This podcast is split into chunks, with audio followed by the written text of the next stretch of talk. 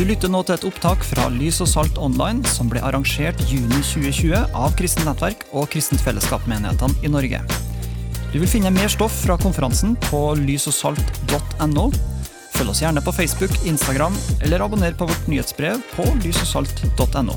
God fornøyelse.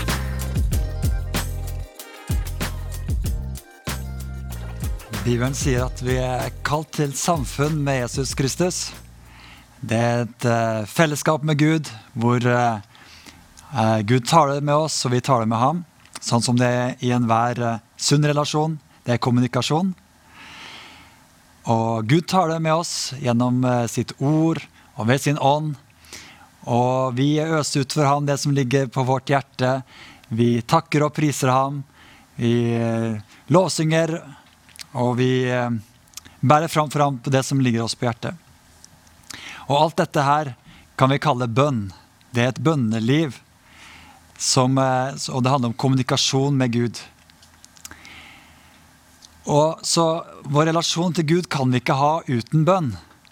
Det er på en måte som, eh, som eh, pust i det kristne livet. Det er som kristenlivets pust.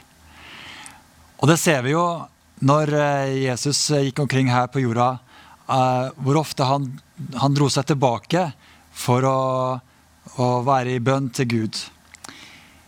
Han uh, samtalte med sin far, han uh, brukte mye tid i bønn. Og når, vi, når, han prioriterer bønn på denne måten, så forstår vi at det er en veldig betydningsfull del av det kristne livet. I eh, Lukas 5,16 eh, så leser vi om at eh, store folkemengder kom for å møte Jesus, for å høre på ham og for å bli helbreda for sine sykdommer. Og da står det at, at selv trakk han seg ofte tilbake til øde steder og ba.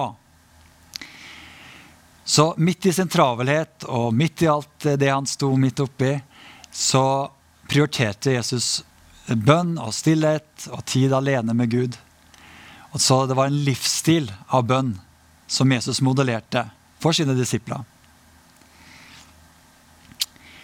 Og det er klart, dette, Denne livsstilen fanga disiplene opp. De fortsatte eh, en livsstil av bønn. Vi leser en liten, liten detalj i Apostlenes gjerninger 3. At eh, Peter og Johannes gikk en dag opp til tempelet til ettermiddagsbønn ved den niende time. Så her hadde de eh, en vane som de hadde egentlig i den jødiske tradisjonen av, av, faste bønnetider, og som disiplene også hadde etter at Jesus eh, for opp til himmelen. Eh, for vi må huske at eh, de, de, første kristne var jøder, og de hadde en jødisk tradisjon og forståelse av eh, dette med bønnetider, hvor bl.a. Salmenes bok ble brukt. Et eksempel på de her bønnerytmene ser vi hos eh, Daniel, profeten Daniel. Det ble jo forbudt å be på et tidspunkt til den andre enn kongen. Men det står at tre ganger om dagen falt Daniel på kne for sin Gud med bønn og lovprisning, slik han alltid hadde gjort det. Så Daniel fortsatte med den vanen han hadde, uh, tre ganger om dagen å be til Gud. Og Så leser vi da videre i apostlenes gjerninger eh, om de første kristne, menighetens liv. At de holdt seg trofast til apostlenes lære, til fellesskapet, til brødsbrytelsen og bønnene. Og disse bønnene hadde de jo først og fremst eh, lært gjennom den jødiske tradisjonen. Det var noe som de hadde med seg eh, som jøder. Men de hadde også sett eh, Jesu bønneliv, og de fortsatte på den samme veien. Så eh, etter at Jesus for opp til himmelen, så står det at disiplene holdt trofast sammen i bønn. Og det vet vi jo, De var på øvre salen fram til pinsedag, og de var sammen i, Det var egentlig et stort bønnemøte da ånden falt. Um, og sånn fortsatte vi, som vi hørte, også da etter pinsedag. De holdt sammen og holdt fast ved bønnene.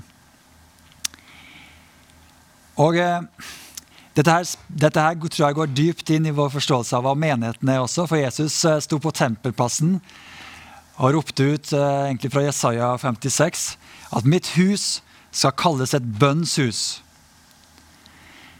Så det å være en kirke, det å være en menighet, eh, har en helt sentral del i seg av det å være et bønnshus for alle folk. Så i tillegg da til vårt personlige bønneliv, vår kommunikasjon og relasjon med Gud i bønn, så har også menigheten et bønneliv sam sammen. Eh, vi vet at uh, de første kristne ble forfulgt, de ble pressa uh, på ulike måter. Og etter Peter og Johannes hadde vært forrådet og blitt uh, forhørt, så står det at de gikk til sine egne. Det betyr de, de hadde noen som de møttes med når de hadde utfordringer. Og sånn er det jo at vi står ikke i kampen alene i dette livet vi lever og i de utfordringene vi møter. Vi har noen som eh, vi hører til sammen med i et fellesskap hvor vi bærer hverandres byrder og har omsorg for hverandre.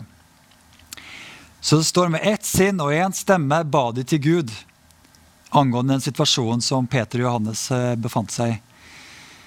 Og nå, Herre Gud, hold øye med truslene deres og la dine tjenere tale ditt ord med frimodighet. Rekk ut din hånd, så det skjer helbredelser og tegn og under ved navnet til Jesus, din hellige tjener. Og da de hadde bedt, skalv stedet der de var samlet. De ble alle fylt av Den hellige ånd og talte Guds ord med frimodighet. Så det var en situasjon, det var alvorlig.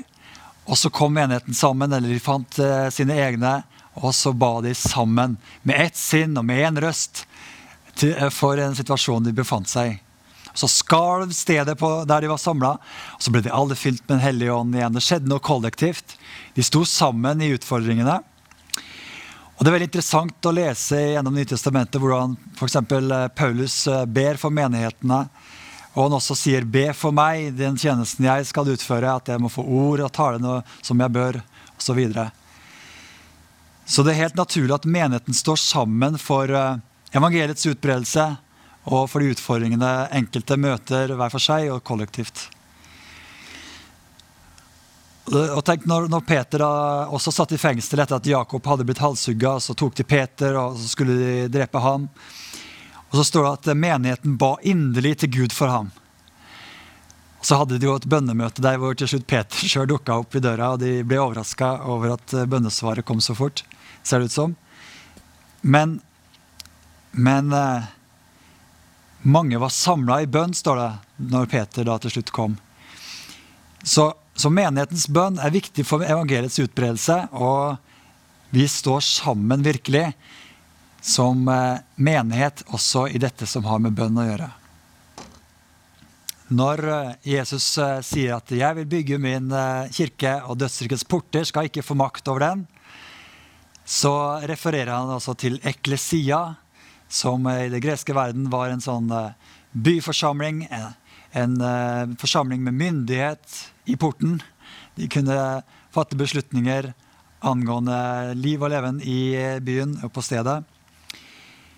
Så, så menigheten har eh, er gitt en myndighet, forteller Bibelen oss. Eh, I Isaiah 22, 22 så leser vi om eh, Guds rikes myndighet, egentlig. Eh, jeg legger nøkkelen til Davids hus på hans skulder. Når han åpner, skal ingen lukke, og når han lukker, så skal ingen åpne. Vi vet at Jesus sier meg er gitt all makt i himmel og på jord. Men så gir han da himmelrikets nøkler over også til, eh, til menigheten og sier at det, eh, det to av dere blir, her på jorden blir enige om å be om, hva det enn er, skal dere få det av min far i himmelen. Dette er jo veldig store og forunderlige ord, egentlig. Men Jesus sa jo det at når to eller tre er samlet i mitt navn, så er jeg midt iblant dere. Og på Jesu tid så var det også slik eh, Eh, i det romerske riket at eh, når to eller tre romerske borgere var samlet, så var Rom i, eh, opererte Rom der, det romerske riket, mellom de. Og det fins altså da en, en, myndighet som er gitt Guds folk, Guds menighet, til å være beslutningstagere som har besluttende myndighet i, på det stedet hvor dere bor, eller i den, eh, det området av innflytelse menigheten er. Og da trenger vi å tenke menighet litt annerledes enn bare det at vi kommer sammen på en søndagsgudstjeneste for å møte hverandre og ha oppbyggelse. Men menighet leves også ut i hverdagen, hver dag, der du befinner deg sammen med andre troende. Det kan være selvfølgelig i ditt nabolag, at eh, noen kommer sammen og ber for naboene. Det kan være på din arbeidsplass, at du finner noen å be sammen med. Eller i din profesjon, at det er noen som eh, jobber i finans- og bankvesen, og så kan dere be for dette, dette området av samfunnet. Fordi dere har forståelse av hvordan ting fungerer der, og dere befinner dere der. Og kan si at slik skal det være, sånn skal det ikke være.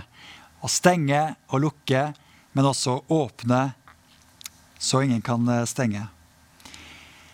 Og Da sier Jesus i forbindelse med menigheten da, i Matteus 18 at alt dere binder på jorden, skal være bundet i himmelen. Og alt dere løser på jorden, skal være løst i himmelen. Så det er noen ting som skjer når vi ber. Vi har en eh, myndighet gitt oss, delegert fra Han som har all makt i himmel og på jord. Og så skal vi få lov til å være med å skape forandring gjennom de bønnene vi ber. Være med å se hva som er Guds vilje, og be la din vilje skje. Erklære Guds vilje over steder, situasjoner, relasjoner, mennesker og hele nasjoner. Og være med å bringe inn Guds rike gjennom de bønner vi ber. Og ha en bønnetjeneste. Det er da den forbønnstjenesten vi også er kalt til, som vi skal snakke litt mer om senere.